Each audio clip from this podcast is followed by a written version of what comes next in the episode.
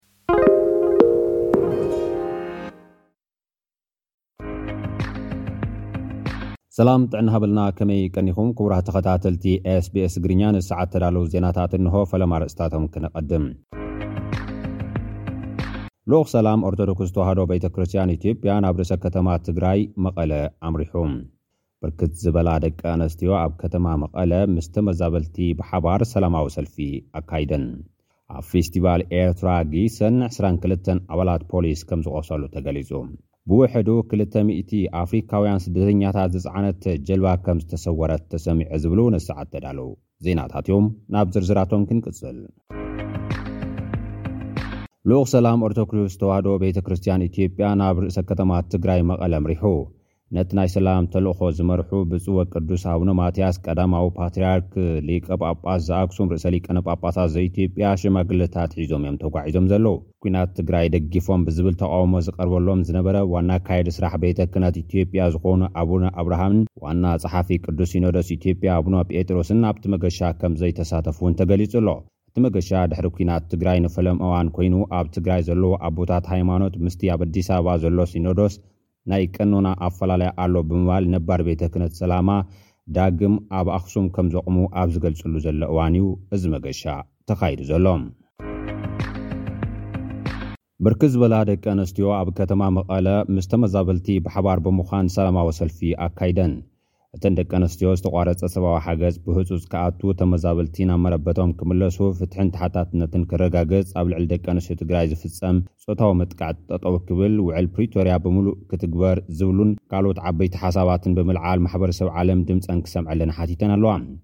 ኣዶ ወንበር ማሕበር ደቂ ኣንስትዮ ትግራይ ወይዘሮ ኣበባ ሃይለስላሰን ተሳተፍቲ እቲ ሰልፍን ስምምዕ ሰላም እንተተፈፀመ እውን ህዝቢ ትግራይ ብፍላይ ድማ ደቂ ኣንስትዮን ህፃናትን ብሰንኪ ጥሜትን ሕፅረት መድሓኒትን ብሰላሕታዊ ሜላ ይፀንቱ ኣለው ዝበላ ኮይነን መንግስቲ ፌደራልን ዝምልከቶም ማሕበረሰብ ዓለምን ህፁፅ መልሲ ኣብ ምንዳይ ቆላሕታ ክህብሉ ፀዊዐን ኣለዋ።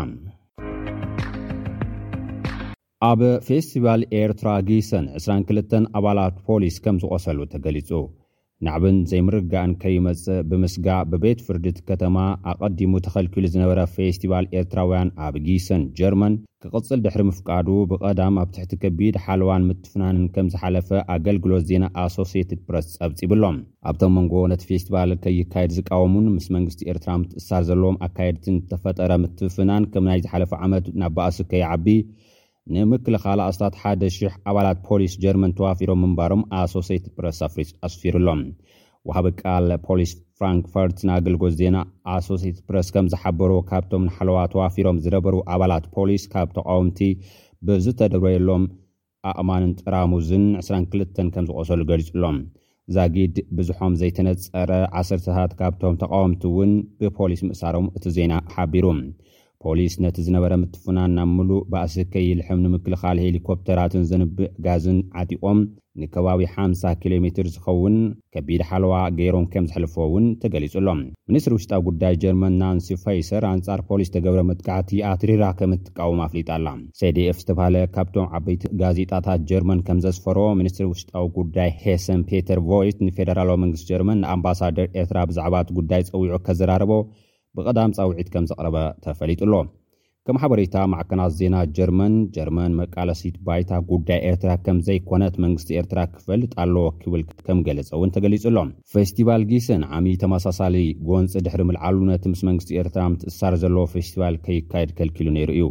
ኣብቲ ድሕሪ ብቤት ፍርዲ ኣውራጃ ዝተለወጠ ውሳነ ግን ቅድሚ እቲ ፌስቲቫል ምክያዱ ነዊሕ ክከራኸር ከም ዝጸንሐ ዝፍለጥ እዩ።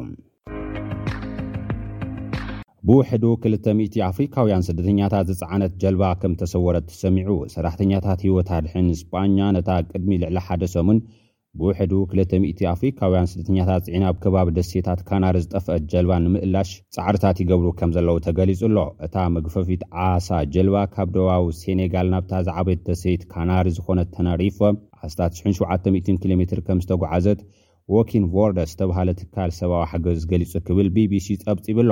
ኣብታ ጀልባ ብዙሓት ህጻናት ከም ዝነበሩ ነቲ ትካል ብምጥቃስ ስጳኛዊ ወኪል ዜና ኤፍፔ ኣቃሊሓ ኣላ። ዓሰርተታት ስደተኛታት ዝጸዓና ካልኦት ክልተ ጀላቡ ከም ዝጠፍኣ'ውን ተገሊጹ ኣሎ። ኣስታት ክልተ ሚእቲ ሰባት ዝጸዓነት ጀልባ ብ ዕስራን ሸውዓተን ሰነ ክልተ ሽሕን ዒስራን ሰለስተን እያ ኣብ ደቡባዊ ሴኔጋል ካብ እትርከብ ደሴታዊት ከተማ ካፊንቷይን ናብ ደሴታት ካናሪ ስጳኛ ተበጊሳ። ኣገልግሎት ህይወት ምድሓን ባሕሪ ስጳኛ ብነፋሪት ዝተሓገዘ ኣለሻ የካይዱ ከም ዘለዉ እውን ተገሊጹ ኣሎ።